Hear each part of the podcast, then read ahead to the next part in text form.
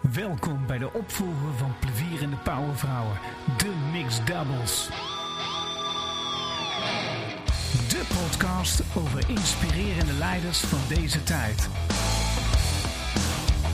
En vandaag zijn dit mijn gasten.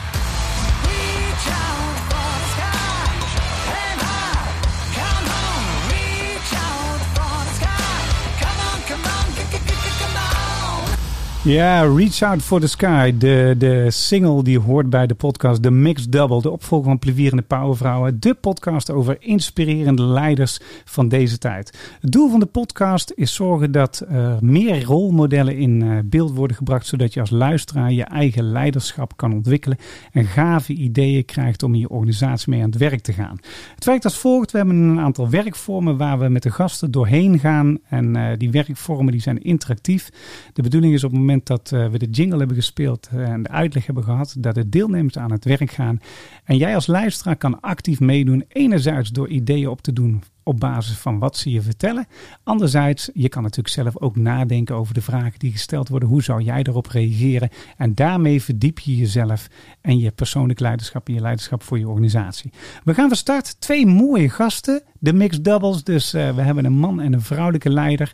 Eh, ik laat ze heel kort even voorstellen. Wie ben je en eh, waar werk je en waarom daar? Ja, dankjewel Wout. Mijn naam is Ariane Roos. Eh, ik werk aan Business for Good. En dat, eh, dat doe ik bij een organisatie die heet eh, Synergie. Een organisatie met als eigen missie om Business for Good eigenlijk groot te maken. Dat doen we door organisaties te helpen om hun eigen purpose of missie of why of hoe je het ook wil noemen te vinden. Dus waar wil je echt aan werken? Wat drijft jou als mens? Wat drijft jullie als organisatie? Vervolgens, hoe maak je dat dan ook groot? Via leiderschap, via strategie. En hoe eh, breng je het ook naar de markt? Eigenlijk via next level producten. Hoe kan je eigenlijk met de markt samenwerken in plaats van dat je leverancier bent van consumenten of van eh, het zakelijk leven? En dat is eh, wat we doen. Ja, en een bevlogen bureau had ik begrepen. Zeker, wij eh, geloven heel erg in de kracht van inspiratie.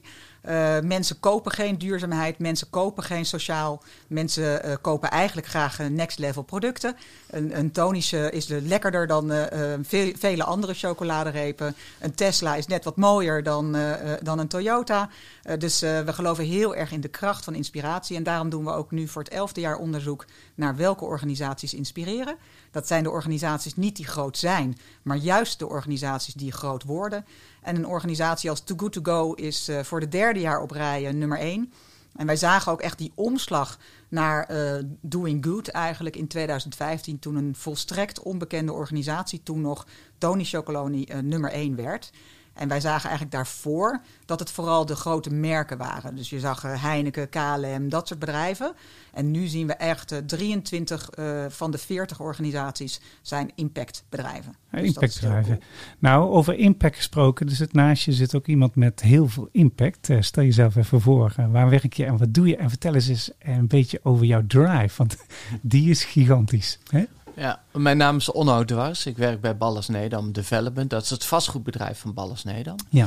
Ik ben eh, CEO en in mijn dagelijks bestaan hou ik me eigenlijk bezig met de stedelijke omgeving. Wij maken woningen, kantoren, theaters, winkelcentra's. We maken allerlei zaken in de gebouwde omgeving. Eigenlijk, we bouwen het decor van ons leven. En met die verantwoordelijkheid dat je iets bouwt, niet alleen voor mensen die nu ergens rondlopen, die nu iets gebruiken, maar ook eigenlijk voor de lange toekomst. Want we bouwen meestal voor meer dan 50 jaar, soms wel voor honderden jaren bouwen wij gebouwen.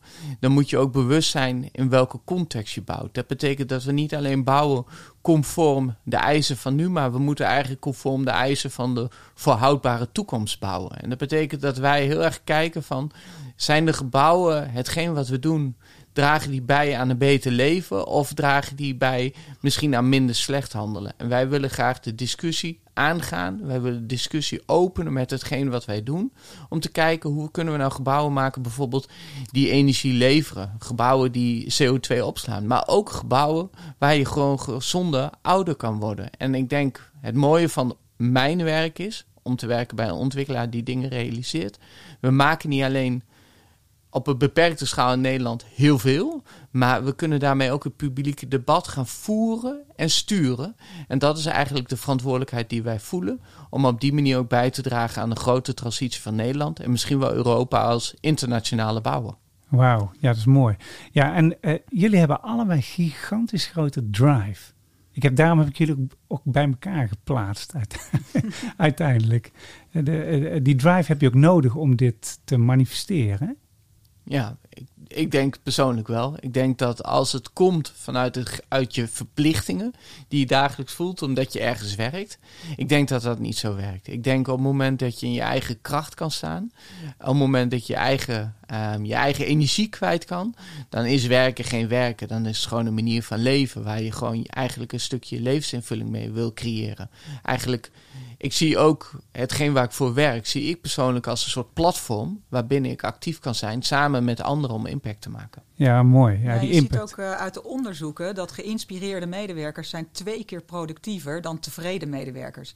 En als je echt vanuit je eigen passie ergens kan aan werken, zoals jij ook zo mooi zegt, Onno, dan is het geen werk, maar dan is het inderdaad gewoon doen wat je, wat je wil doen in een platform eh, wat daartoe faciliteert. En hoe zorg je dat je eigenlijk dat iedereen vanuit zijn eigen passie aan de thema's kan werken die voor hem of haar belangrijk zijn? Ja, laten we eens met die passie beginnen. Eh, eh, ik heb voor jou Nothing Else Matters eh, gekregen, Guilty Pleasure Song. Daar gaan we mee beginnen. En vertel dan eens, wat heb je met die song en, en ja, hoe beïnvloedt dat jouw kijk op het leven, op je werk?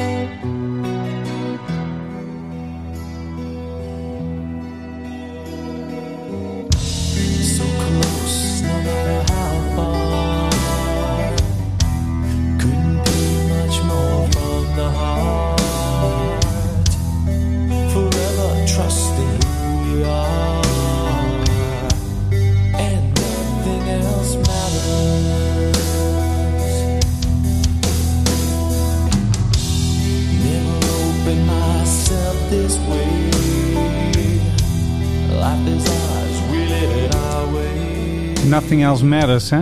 Ja, Dus uit de tijd hè? dat we nog hele lange intro's mochten hebben, dat was nog toegestaan. Hè? Eh, wat heb je met dat nummer? Wij hebben dit nummer gebruikt eh, bij het begin van het Inspirerende 40-event. ieder jaar als wij dit eh, prachtige boekje, ja dat kan de luisteraar niet zien, eh, maar op www.inspirerende40.nl kun je het downloaden. Als wij dat eh, lanceren, het onderzoek naar de meest inspirerende organisaties, met daarbij ook eigenlijk alle verhalen van de kracht van inspiraties. Eh, dus wij hebben hier interviews met nou ja, eigenlijk de, inspireren, de inspirerende leiders, de inspireerders eh, die, eh, eh, die wij ons laten inspireren. En wij zijn hiermee begonnen met dit, dit nummer. Wij willen heel graag mensen eigenlijk laten voelen eh, wat de kracht van inspiratie doet. En ik denk dat als je dit nummer hoort en je zit in een donkere zaal, eh, dan voel je echt van hé, hey, hier, gaat iets, eh, hier gaat echt iets gebeuren. Nothing else, nothing else matters. Dus dat is eh, eh, wat dit nummer op dit moment eigenlijk voor mij doet. Ja, ja heel mooi, heel mooi. Eh, Hey, en ja, jullie zijn begonnen met die eh, 40 bedrijven in kaart te brengen. Dat doen jullie al een tijdje. Ja. En, en, en hoe reageren mensen erop in de maatschappij en in je omgeving? Nou, je ziet eigenlijk dat mensen, dus die bevlogenheid waar jij het ook net aan hebt, dat werkt aanstekelijk. En mensen, ik spreek heel vaak mensen die toch niet meer blij zijn van ik wil toch betekenis hebben, ik wil iets doen wat ertoe doet. En eigenlijk is de overstap dan naar impact is, is helemaal niet zo groot. Dus het is alleen maar de vraag van, goh, eh, waarom stap je niet over? En wat je wel ziet is natuurlijk dat vaak het salaris stukken lager is bij, eh, bij impactorganisaties. En toch weten zij heel goed mensen aan zich te trekken. En dan zie je dat dus de hoogste bonus of het hoogste loon eh, niet meer relevant is. Natuurlijk moet je goed verdienen, moet je een fijn leven hebben. Maar moet dat nou ontzettend veel zijn? Of moet dat gewoon genoeg zijn? En je ziet echt de omslag van ik wil meer en meer en meer naar genoeg is genoeg. En als je gaat nadenken over welzijn in plaats van welvaart, waar wil je dan, eh, eh, waar wil je dan echt aan werken? En daarom vind ik zelf ook de vraag niet waar werk je, maar waar werk je aan? Altijd een hele mooie eh, vraag, omdat een organisatie eigenlijk niets meer dan niets minder is dan een platform waar je dat met elkaar doet. Ja, ja, erg een mooie visie. Mooie visie. Wat vind Ja. jij? Ja, ik word, ik word wel echt geïnspireerd. Want je spiegelt het heel anders. Je benadert het echt gewoon vanuit eigenlijk de mens. Ieder mens staat eigenlijk voor zijn individuele keuze. Wat hij doet met zijn of haar leven. En ik denk dat dat wel steeds meer de essentie aan het worden is. Dat we niet meer geleid worden door onze omgeving. Dat je toevallig bij een bedrijf mag komen werken. Maar eigenlijk door de digitalisering ook, waar we ook soms kritiek op hebben. Maar staat die wereld helemaal voor je open. Je kan eigenlijk overal je interesse tonen om onderdeel te worden van een platform waar aan jij wil bouwen. En ik denk dat mensen dat steeds meer gaan realiseren. Dat je eigenlijk, ja, ik denk daar zo over. Je hebt één leven. En wat heb je in je leven zo meteen bereikt? Op een moment dat het, op het moment dat je op een gegeven moment ehm, eh, de mooie leeftijd hebt, dat je zegt, nou, ik stop er echt helemaal mee. Dat kan tegenwoordig op je vijftigste, maar kan ook net zo goed op je tachtigste zijn. En wat heb je dan bereikt? En ik denk dat dat bewustzijn steeds verder indaalt. En dat vind ik eigenlijk wel heel mooi, omdat je veel bewuster met je eigen handelingsperspectief bezig gaat. En we hebben het dan ook, we hadden het net over een nummer, hè? Wat, wat is dan jouw nummer? Maar voor mij, ehm, ik heb, bij mij zijn nummers, ehm, ehm, muziek is bij mij, op het moment dat het mij raakt, is, heeft, het, heeft het iets emotioneels, omdat het vaak je afsluit van de rest van de wereld. Ja. En voor mij zou een nummer, ik weet niet of je hem kan vinden, maar zou Late in the Evening zijn van Paul Simon en Carfunkel. En dat heeft meer met mijn jeugd te maken omdat ik achter in de auto zat. We hadden, met z'n- we hadden vier kinderen thuis. En niet iedereen had de gelijke ehm, ehm, behoefte aan een bepaald soort van muziek. En dat draaide ik dan op mijn cassettebandje. Voor de mensen die eh, wat, ah, wat nieuw dat zijn. Maar dat, is, dat was voor de CD-ROM. Eh, dus moet je daar gaan, ouderwets. Maar, ehm, en dat had meer te ma- maken dat je in je eigen bewustzijn terechtkomt. En dat gebeurt heel vaak met muziek. Ehm, waardoor je in je eigen dromen terechtkomt en je eigen, je eigen gaat bevragen: wat wil ik dan bereiken? Ja, laten we, laten we eens luisteren naar Late in Evening. Central Park. Paul Simon en eh, Garfunkel, Art Garfunkel.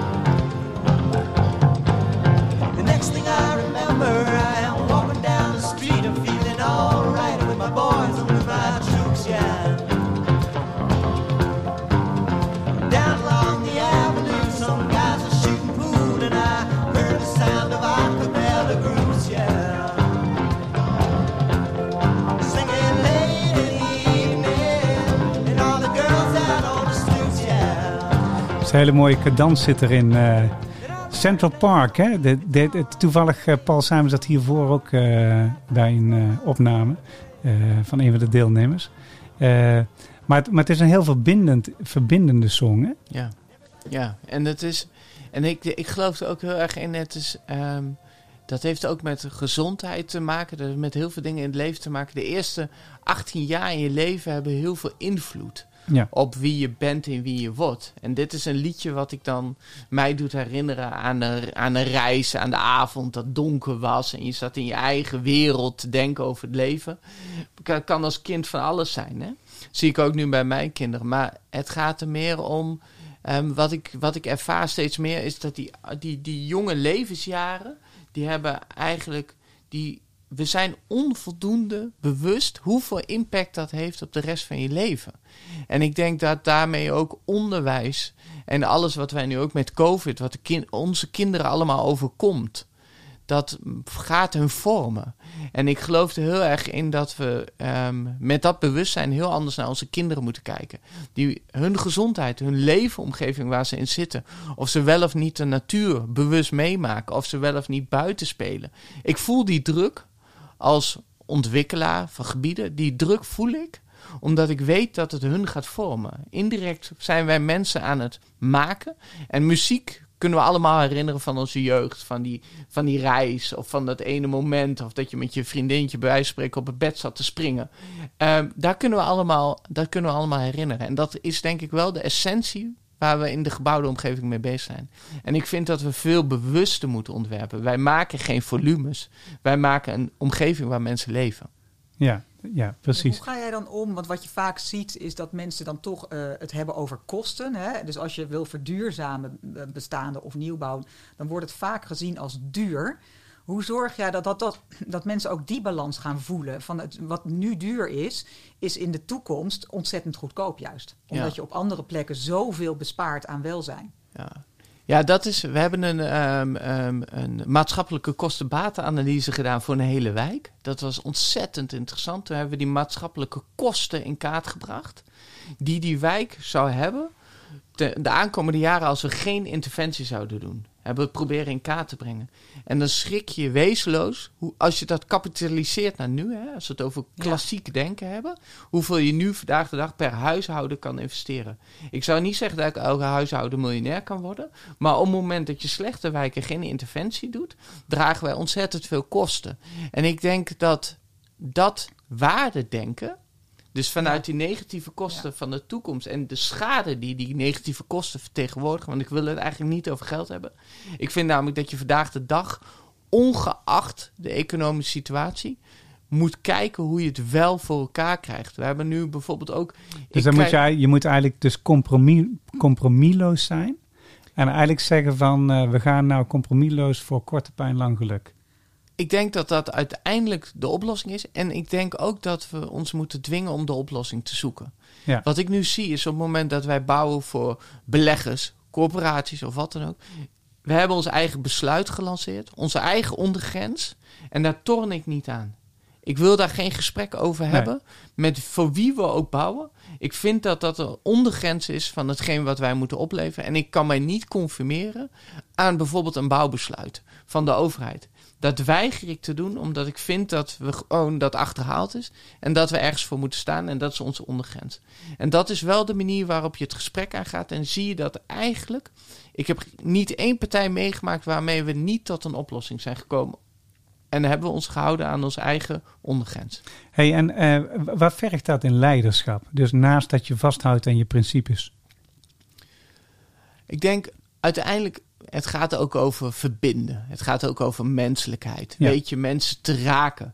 Ehm, ik kan me nog goed herinneren, overleg met een corporatie waar we het gesprek hadden. En op een gegeven moment merkte ik, omdat ik emotioneel werd, ik werd menselijk in het overleg, dat ze door hadden dat mij niet te doen was om het meerwerk. Want ik zei, je krijgt gewoon de open factuur. Ik wil er helemaal niks aan verdienen. Ik vind het gewoon belachelijk als je het niet doet. En toen ik merkte dat je durfde gepassioneerd te worden en, ook licht emotioneel werd ik ervan, omdat ik het namelijk zo niet vond kloppen wat er gebeurde. Toen merkte ik dat de andere kant als het ware ehm, ehm, verbond met je. Ja, dus dat zij zoiets hadden van: ik snap nu wat hij zegt en het is waar. Hij zegt het echt uit oprechtheid. En toen was het eigenlijk gewoon een kwestie van hoe gaan we het regelen. ja. En ik denk dat het durven verbinden, ergens voor te staan, ehm, open ook staan hè, voor de andere kant, maar ook durven te verbinden. Ik denk dat dat ontzettend belangrijk is en dat we dat soms te weinig doen vanuit de contractcultuur die we met z'n allen hebben gecreëerd. Ja, want Ja. dat is raar. Hè? Want norm- heel vaak zijn contractonderhandelingen gaan over win en verlies. Ja, Eh, het gaat zelden over hoe ga je samen bouwen om samen iets moois eh, eh, te maken. En dat eigenlijk, als je dat kan gaan omturnen, dat je samen gaat nadenken over, maar welk ecosysteem willen we neerzetten? Hoe zorgen we dat we win-win creëren? En Ja. niet eh, win-verlies. Want dat vind ik mooi als ik jou dat hoor zeggen. Omdat de andere partij, die ging eigenlijk uit van win-verlies. En Ja. toen jij liet zien vanuit jouw emotie van, maar het gaat mij om win-win. Ja. Ik hoef er niets aan te verdienen. Eh, maar het klopt gewoon niet. Nou, En- beter gezegd, we hebben nog geld bijgelegd. Ja. Ehm, Ja. Omdat het zo principieel Ja. was om het te bereiken. Ehm, en ik denk dat de volgende keer gaan ze de discussie niet meer aan. En ik denk dat dat, dat mijn win was. Ja, ook al kostte cool. het als het ware geld. En daarom wil ik ook niet waardesystemen vertellen. Alleen maar iets ehm, in geld. Omdat we geen ander instrument hebben om iets in waarde uit te drukken. Dat is eigenlijk raar. Want je hebt begonnen over welzijn. Er zijn andere landen die drukken hun vooruitgang.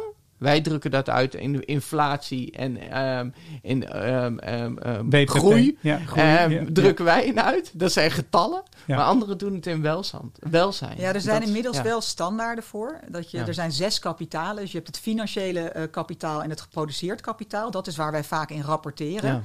Eh, maar je hebt ook het menselijk kapitaal, het sociaal kapitaal. Hè? Dus welke impact heb je op je omgeving?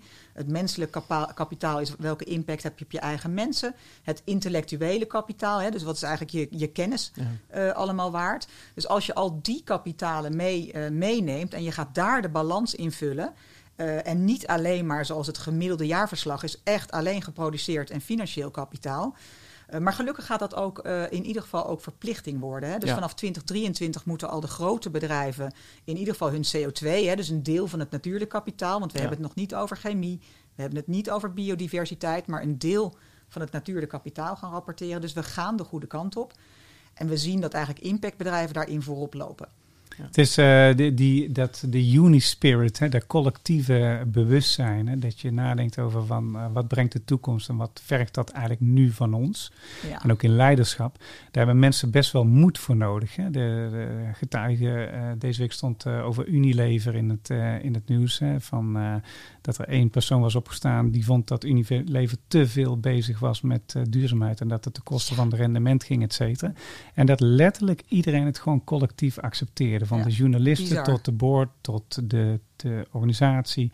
En dan komt er toch, op een gegeven moment komt er een journalist die gaat erover schrijven. En dan krijg je toch een gesprek erover. En dan krijg je in één keer een kentering. En ik heb een beetje het gevoel dat in de maatschappij dat nu wel gaande is. Dat dat mondiger worden. Enerzijds heb je het polariserende, dat is niet zo handig. Hè, want we moeten meer samen eh, nadenken over hoe we het kunnen doen. Maar anderzijds, ja, we hebben wel dat gesprek nodig. Ja. Ja, het gesprek echt over de, over de, de brede welvaart, zoals het dan genoemd wordt. Dus Ja. het welzijn eigenlijk. In plaats van alleen, want het is natuurlijk bizar dat tijdens die vergadering niet al mensen opstonden. Ja. En het is heel raar en, en het is natuurlijk wel begrijpelijk, hè? want we korte het is altijd makkelijker om korte termijn te handelen. Dus eh, eh, eh, nou ja, een zak chips laten staan omdat je dan weet dat je een beter figuur hebt.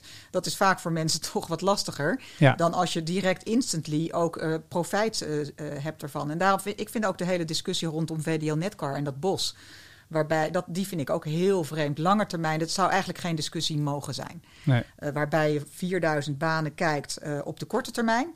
Lange termijn natuurlijk welzijn van een hele omgeving, waar je een heel natuurgebied om zeep helpt. En dat, die afwegingen, eh, hoe maak je die afwegingen? Die zijn nu nog veel te veel op korte termijn, op banengroei, op financiële welvaart gericht.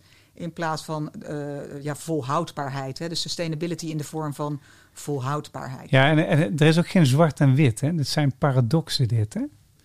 ja, en ik vind aan de ene kant, er is geen zwart en wit, maar het is wel zwart en wit. Ja, En dat is ehm, wat ik te weinig merk, is dat ehm, de discussie wordt heel erg gevoerd, alsof ook, ook met het bos, maar ook, ook op het moment dat je het hebt over een Unilever, op het moment dat je het hebt over met een Rabobank, allerlei partijen, als je gesprekken voert, is het alsof een transitie een recht is waar je wel of niet onderdeel van kan zijn.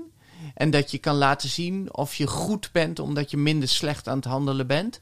En niemand zegt aan de voorkant, beste Unilever, eh, misschien wel beste Balles Nederland. Maar hetgeen wat jullie daar en daar doen is gewoon slecht. Wij moeten gewoon radicaal om. En ik, dat gesprek in die boardrooms mis ik wel. Ik Ja. mis echt op het juiste niveau het echte leiderschap. Het leiderschap wat we nodig hebben om echt een koers te wijzigen. Ik heb nog steeds het gevoel, iedereen kent dat als je een auto wel eens bestuurt. Ik heb nog steeds, je pakt je stuurwiel en je hebt het gevoel als je eraan draait, dat je het heel klein beetje beweegt, maar de auto wijzigt niet van koers. Ja. Dat is hoe wij momenteel leiding geven aan eigenlijk die, die veranderingen om die grote koerswijziging te doen. En niemand pakt dat stuur van iemand anders beet en draait het stuur om en zegt we moeten echt een radicaal andere koers op. En dat is wel wat we nodig hebben. Als je kijkt hoe snel de klimaatverandering. Nu, we, we kennen exponentiële groei, maar we kennen ook exponentiële ellende. En Ja. daar zitten wij in en we sluiten onze ogen. We zien namelijk een bosbrand dat in aantallen verdubbeld is.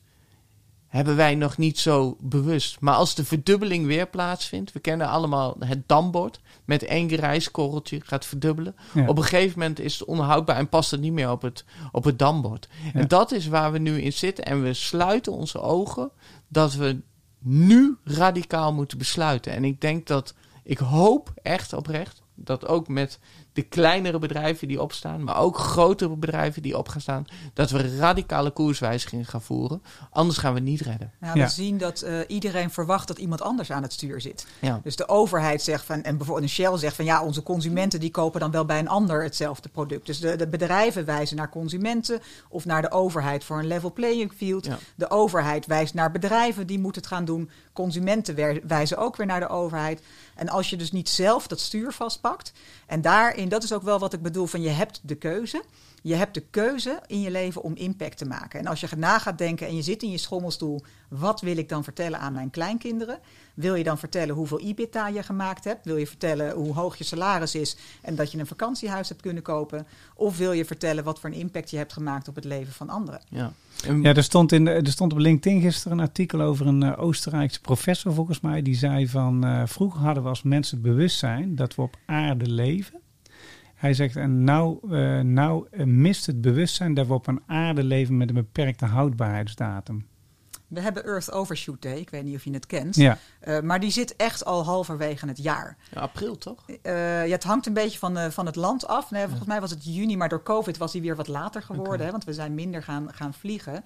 En dat heeft te maken met in hoeverre wij de aarde gebruiken en hoeverre de aarde het weer terug kan geven. Maar wij kunnen, wij, als ik kijk naar ons bedrijf hè, en ook naar mijn collega's, ik heb er gelukkig een paar echt geweldige collega's. Als ik daarnaar kijk, we hebben bijvoorbeeld natuurinclusief bouwen, hebben wij als standaard bij alle woningen die wij maken, alle projecten die wij maken, doen wij standaard allerlei maatregelen samen afgestemd, onder andere met vogelbescherming. Wat wij hebben gezegd is, wij weten dat wij, het is dramatisch gesteld met de biodiversiteit, 70% afname. Ja, zeker. in Ehm, meer dan 75% minder mussen in Amsterdam. Ik zeg altijd, als er geen mussen zijn, waarom zou jij er dan nog willen wonen? Als die beesten niet eens Ja, meer zouden ja, willen wonen en kunnen overleven. Even als nadenken van als we onderdeel van de natuur zijn. Maar wat wij hebben gezegd is, wij gaan natuur inclusief bouwen, maar we doen een stap verder. We hebben ehm eergisteren ook een petitie gelanceerd. Maar petitie natuur inclusief bouwen.nl, waarbij we mensen oproepen, de overheid op te roepen om dat in het bouwbesluit op te gaan nemen. Zodat we met z'n allen impact gaan maken. En als we dat met z'n Ja. allen doen, dan denken wij dat we er kunnen kenteren. Tenminste vanuit ons deel, vanuit de bouw- en vastgoedsector. En ik denk dat het aan ons is om al... Er zijn namelijk heel veel onderwerpen waar we grote stappen moeten maken. Maar we moeten het wel op deze schaal doen. Laat zien dat je het kan. En communiceer erover. Ik zeg altijd, het over communiceren is misschien wel net zo belangrijk dan dat je zelf goed handelt. Want we zijn een klein onderdeel van het hele systeem. Maar als we een grotere beweging kunnen bewerkstelligen, kunnen we heel veel impact maken. Ja, en maak het aantrekkelijk. Dus dan willen mensen onderdeel zijn van die Ja. beweging ook. Als het leuk is, als het gaaf is, als het cool is, eh, fijn. Oké, we gaan dus even een werkvorm hierop doen. Eh, want ehm, ja, het is niet zwart-wit, zeg je. Het is gewoon, er moet gekozen worden. Ja. Ja, ook laten we eens even wat paradoxen naast elkaar zetten.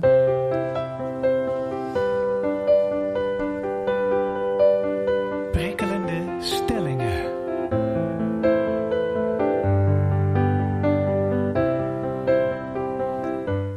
Prikkelende stellingen. Ik hou ehm, twee stellingen tegenover elkaar. Ehm, eh, beide zouden waar kunnen zijn, maar je moet kiezen. Dat is, de deal. En eh, geef zo snel mogelijk intuïtief antwoord welke van die twee eh, kies je.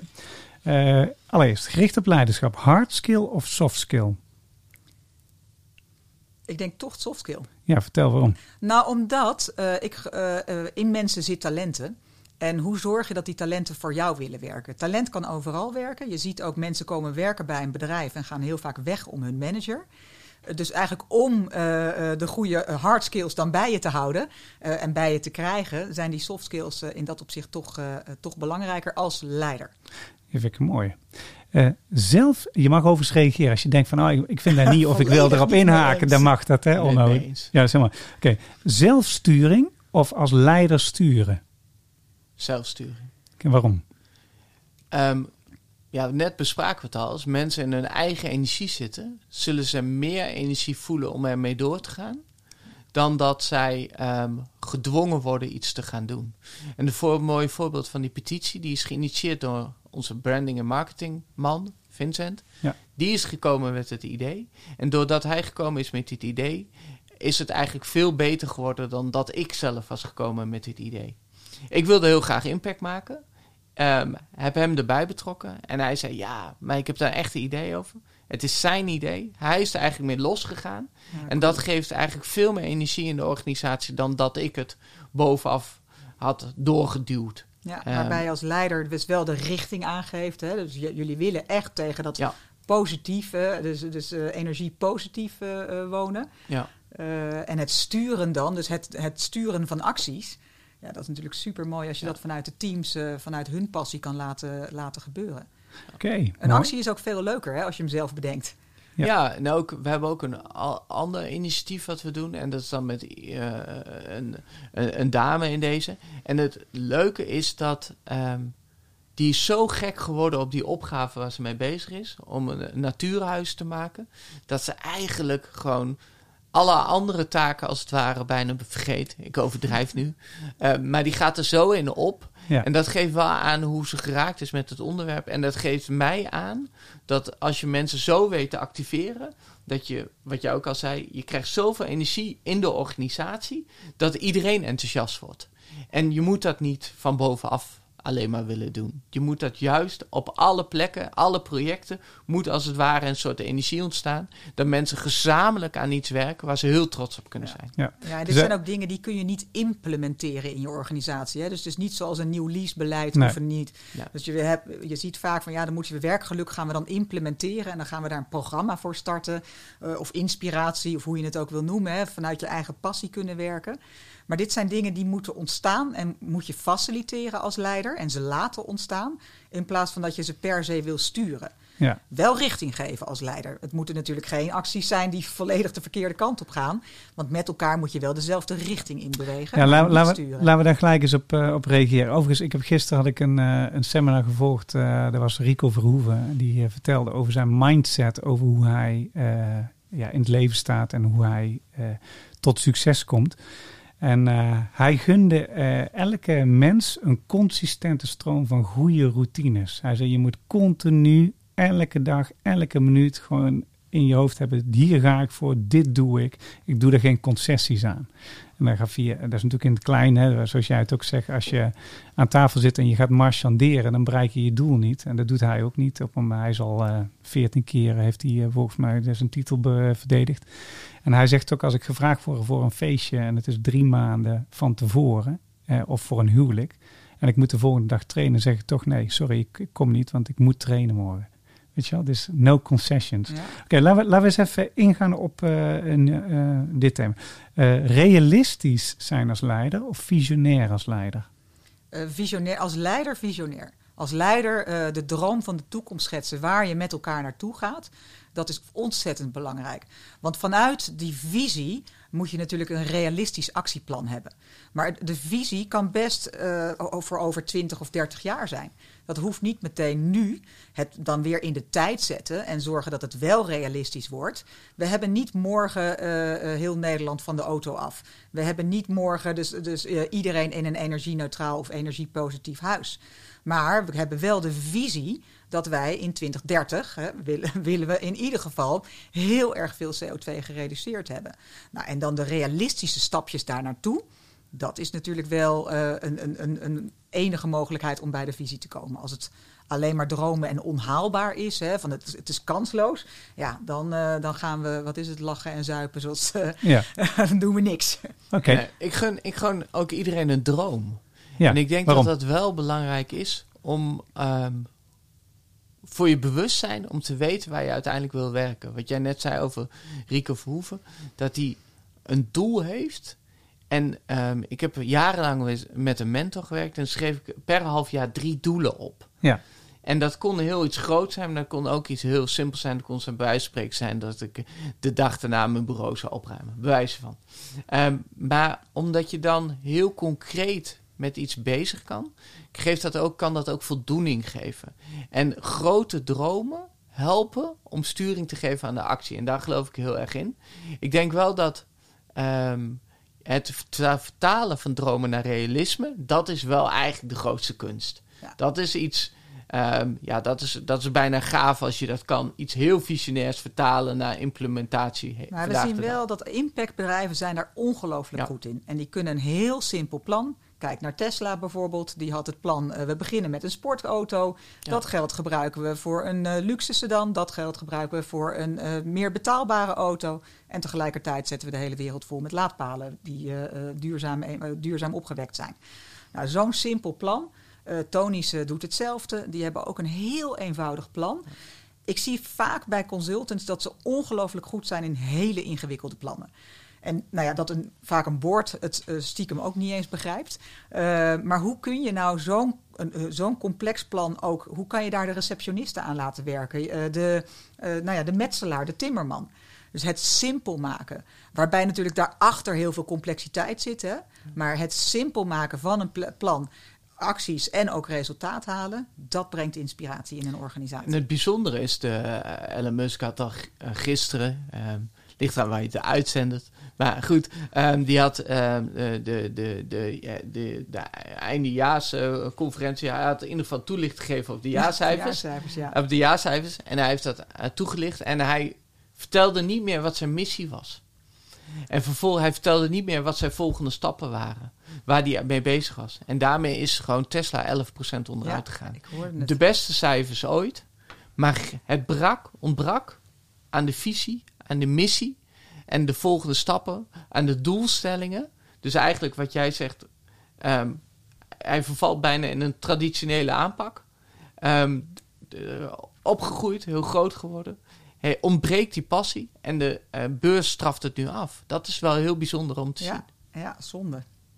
Maar hopelijk wordt hij wakker. Hij wordt zeker wakker. Ja, en het is ook iets eh, waar mensen trots op kunnen zijn. Hè? Dus eh, Ja. als, je, als je samen voor iets heel moois gaat, ja, dat, dat bindt enorm. Mensen willen onderdeel zijn van de beweging. En Ja. dat is zelfs bij aandeelhouders vandaag de dag gelukkig het geval. Ja, dat vind ik mooi. hey, we gaan naar de volgende werkvorm. Jouw story. This is the song for the people, of. Open up your eyes, look to the sky, the sun will shine on us. Open up your eyes, daar draait het om. Hè? Ehm, jouw story. Vertel eens in je leiderschap. Je bent nou op een bepaalde positie gekomen hè, in je leven. Ehm, hoe ben je daar gekomen en wat is daar eh, de aanleiding voor geweest dat je doet wat je nou doet? Wie wil beginnen? En, oh ja, Ja. en, tweede wat ik ook heel leuk vind, hoor, waar, what are you heading for? Waar ga je voor? Dan sluiten we gelijk even op het thema van net aan. Mag ik met jou beginnen? of? Ja, zeker. Ja. Ehm, hoe ben je er gekomen? Ik vind dat, dat vind ik altijd zo moeilijk, want mensen vragen waarom doe je dan hetgeen wat je nu doet? En dat vormt zich in de tijd. Ja. En ik, ja, ik begin toch wel vaak bij het verhaal dat ik zes was. En ik kan me herinneren dat ik de eerste keer heb geholpen een, eh, een tuinkamer, dat was toen tijd nog in, heb uitgegraven. En daar kreeg ik zes gulden voor. Kan ik me nog herinneren. En een envelop. Ehm, en ik droomde toen om een huis te bouwen. Ehm, tegenover het huis van mijn ouders op een grasveld. En toen dacht ik, als ik dat toch wil bereiken. Ik wilde graag dingen maken. Ik was altijd aan het timmeren toen al. Dingen aan het bouwen. Toen droomde ik over om dan maar burgemeester te worden. Want dan kon ik tenminste besluiten dat we daar op dat grasveld een huis zouden bouwen. En ehm, ik was altijd heel erg doelgericht en ik ben dat nu nog steeds. En ik denk dat het gaandeweg alleen maar extremer gaat worden. Ja. En ik kwam eigenlijk toen ik kwam, eh, op een gegeven moment was er een volgende stap. Toen was ik net aan begonnen met werken. Ik was eh, 24, 25.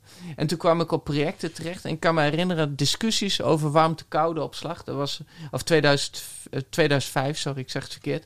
Ehm, hadden we discussies over warmte-koude opslag. Iedereen vertelde mij waarom het niet kon. Waarom geen enkele consument dit ooit zou willen. En toen ben ik eigenlijk min of meer uitgedaagd om aan boord te komen en te vertellen waarom het wel kon. En heel langzamerhand ben ik erachter gekomen dat je eigenlijk in regie komt van hetgeen wat we willen produceren. En dat je niet moet laten afhangen van wat mensen op dat moment vinden. Het is een beetje hetzelfde als de iPad. Ehm, en ook over, over de, de mobiele telefoon. We kennen allemaal het filmpje. Er was geen vraag naar een mobiele telefoon. Maar de visionairs zien waar we naartoe gaan. En ik heb toen ontdekt dat ehm, duurzaam bouwen iets niet iets was wat we bij de consument als optie neer moesten leggen, maar wat wij als bedrijven, als verantwoordelijke voor de planeet, zelf moesten gaan faciliteren en zelf moesten gaan doen. En toen ik de overstap maakte naar uiteindelijk Ballas Nedam, toen heb ik ehm, een, een gesprek gehad met de eigenaar. Herman Ilichak. En die wilde heel graag dat ik bij het bedrijf kwam werken, want hij had net Ballas Nedam overgenomen. En toen heb ik hem eigenlijk twee vragen gesteld. Heb ik hem gevraagd van, ja, weet je, prima. Ik, ik bedoel, eh, u komt uit, uit helemaal uit een ander deel van, van, van, niet eens uit Europa, maar u komt uit Turkije. U, ja, wie zegt dat, dat je weet wie ik ben?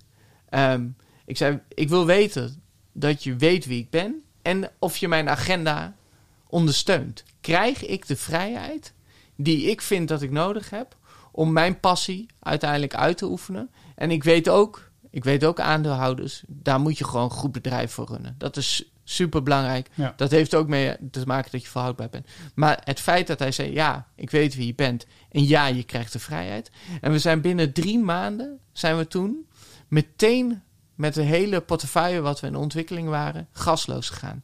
Niemand had het er nog over. Een jaar later stond het in het regeerakkoord. We hebben daar een gesprek met de Tweede Kamer ook over gevoerd om het regeerakkoord te geven. Dat zijn van die momenten, van die tipping points, dat je inzicht krijgt dat je zelf impact kan maken.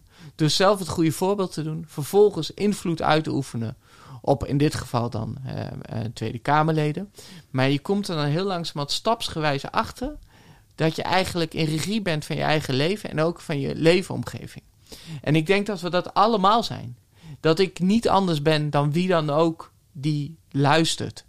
En enig is dat ik heb mogen meemaken, waar ik heel dankbaar voor ben, dat ehm, die veranderingen zijn gerealiseerd. En als ik kijk naar die toekomst, wil ik echt naar een samenleving waarbij we echt levenskwaliteit aantoonbaar kunnen toevoegen. We zijn ook bezig met de universiteiten om te gaan meten of je kan meten dat mensen gezonder en gelukkiger ouder worden in bepaalde wijken door de maatregelen die wij treffen.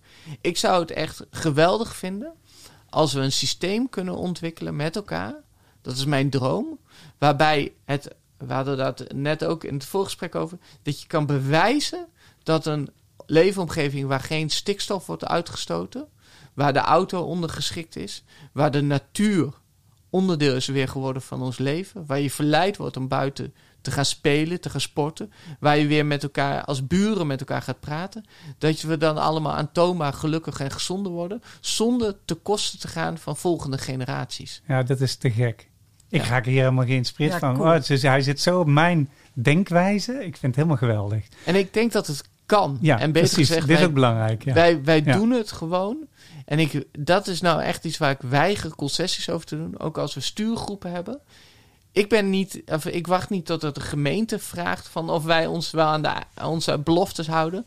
Ik stel het in de stuurgroep zelf. Ja. Doen we wel wat we hebben beloofd? Ik wil het van mijn projectleiders weten. En dat mogen ze vertellen waar onze opdrachtgever, in dit geval de gemeente, bij is. Ik, ook al zouden ze zeggen, we halen dit en dit niet. Dan wil ik het gesprek met elkaar voeren hoe we het wel gaan halen. Ja, ja, ja, ja. Dat is, eh dat is powerful, zeggen we dan. Hè?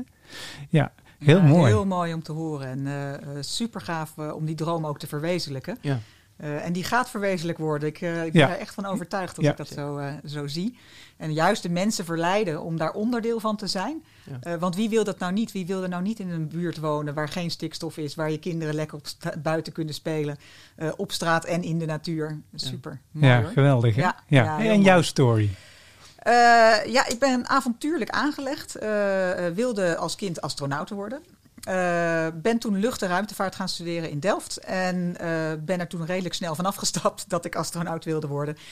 Ben afgestudeerd bij, bij Wubbo Okkels. En die kon als geen ander, en dat heeft hij ook in zijn letterlijke afscheidsspeech gedaan, vertellen hoe ontzettend fragiel onze aarde is als je die vanuit de, vanuit de ruimte ziet.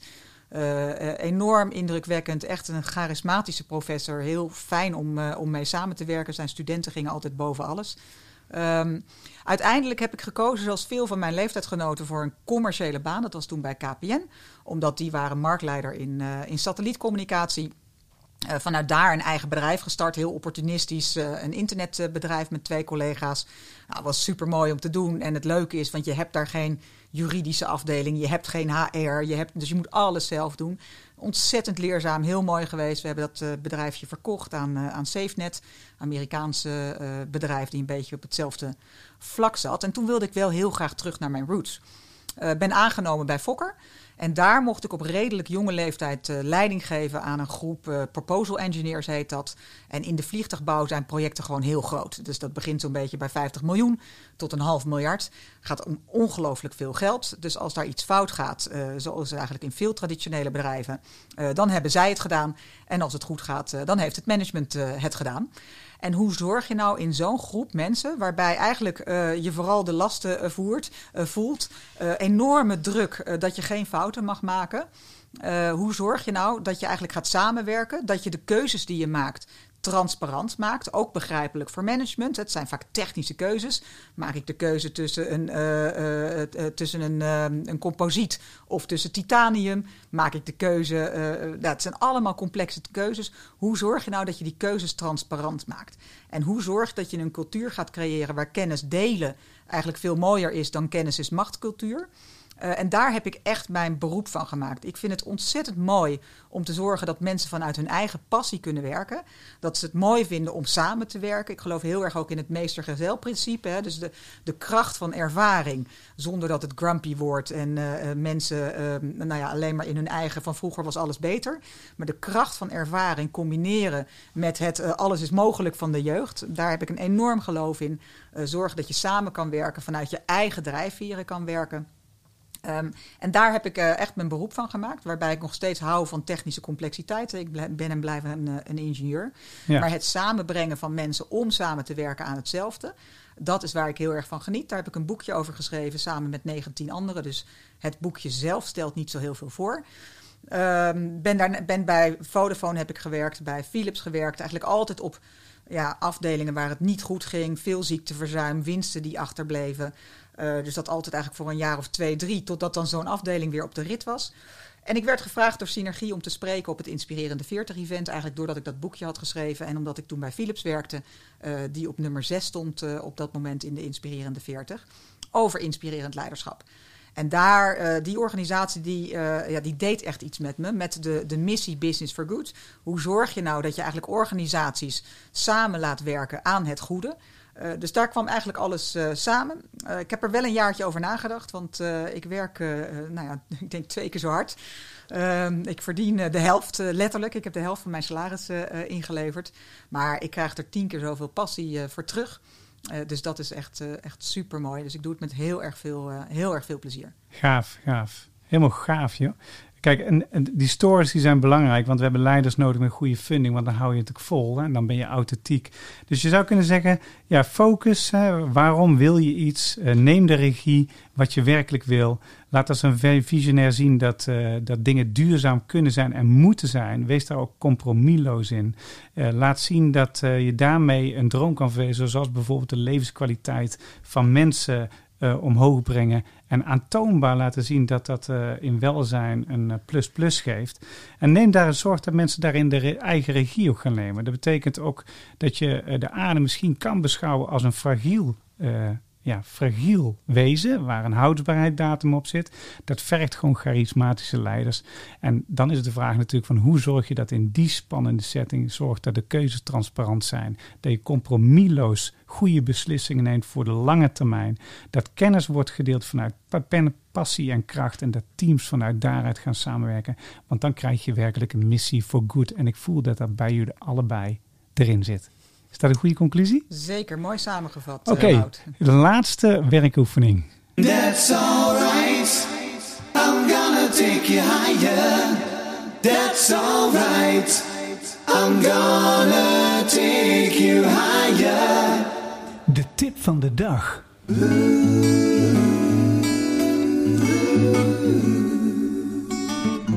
De tip van de dag. Je mag met, eh, als je stel je voor je zou een laatste boodschap geven aan de luisteraar. Wat zou die zijn? Altijd vanuit je eigen drijfveren. Altijd vanuit je eigen drijfveer. Ja, altijd vanuit je eigen drijfveren. Als je vanuit je eigen passie kan werken aan iets, eh, dan kan je zoveel meer en dan voelt het inderdaad niet als werk. Eh, en maak die keuze. Dus laat je niet eh, weerhouden door allerlei ja, drempels die er eigenlijk, als je eenmaal de keuze hebt gemaakt, uiteindelijk helemaal niet blijken te zijn. Dankjewel. Doe nu hetgeen wat je altijd al op je lijstje hebt staan. Iedereen kent het. Uitgestelde dromen, uitgestelde acties. Stel ze niet uit. Heel zwart-wit. We hebben een beperkte levensduur. We weten niet hoe lang. Ga er nu mee aan de slag. En je zult zien dat het makkelijker afgaat dan dat je van tevoren had gedacht. Dankjewel. Heb je het naar je zin gehad? Zeker. Heb jij zin gehad? Zeker. Wat een gesprek. mooie dynamiek in het gesprek. Want jullie namen automatisch gesprek over. Ik hoefde niks te doen. Jullie, jullie zaten helemaal op één lijn. Dus eh, hartstikke mooie sessie. Ik denk dat eh, mensen hier super blij mee gaan zijn. Eh, stay tuned voor de volgende se- sessie. weer met de Mix Double. Weer met hele mooie leiders. En een mooi thema. Het goede doen voor de wereld om ons heen. We zien elkaar de volgende keer weer. Op woensdag om 7 uur gaan we weer live. Goed van Wout Plevier.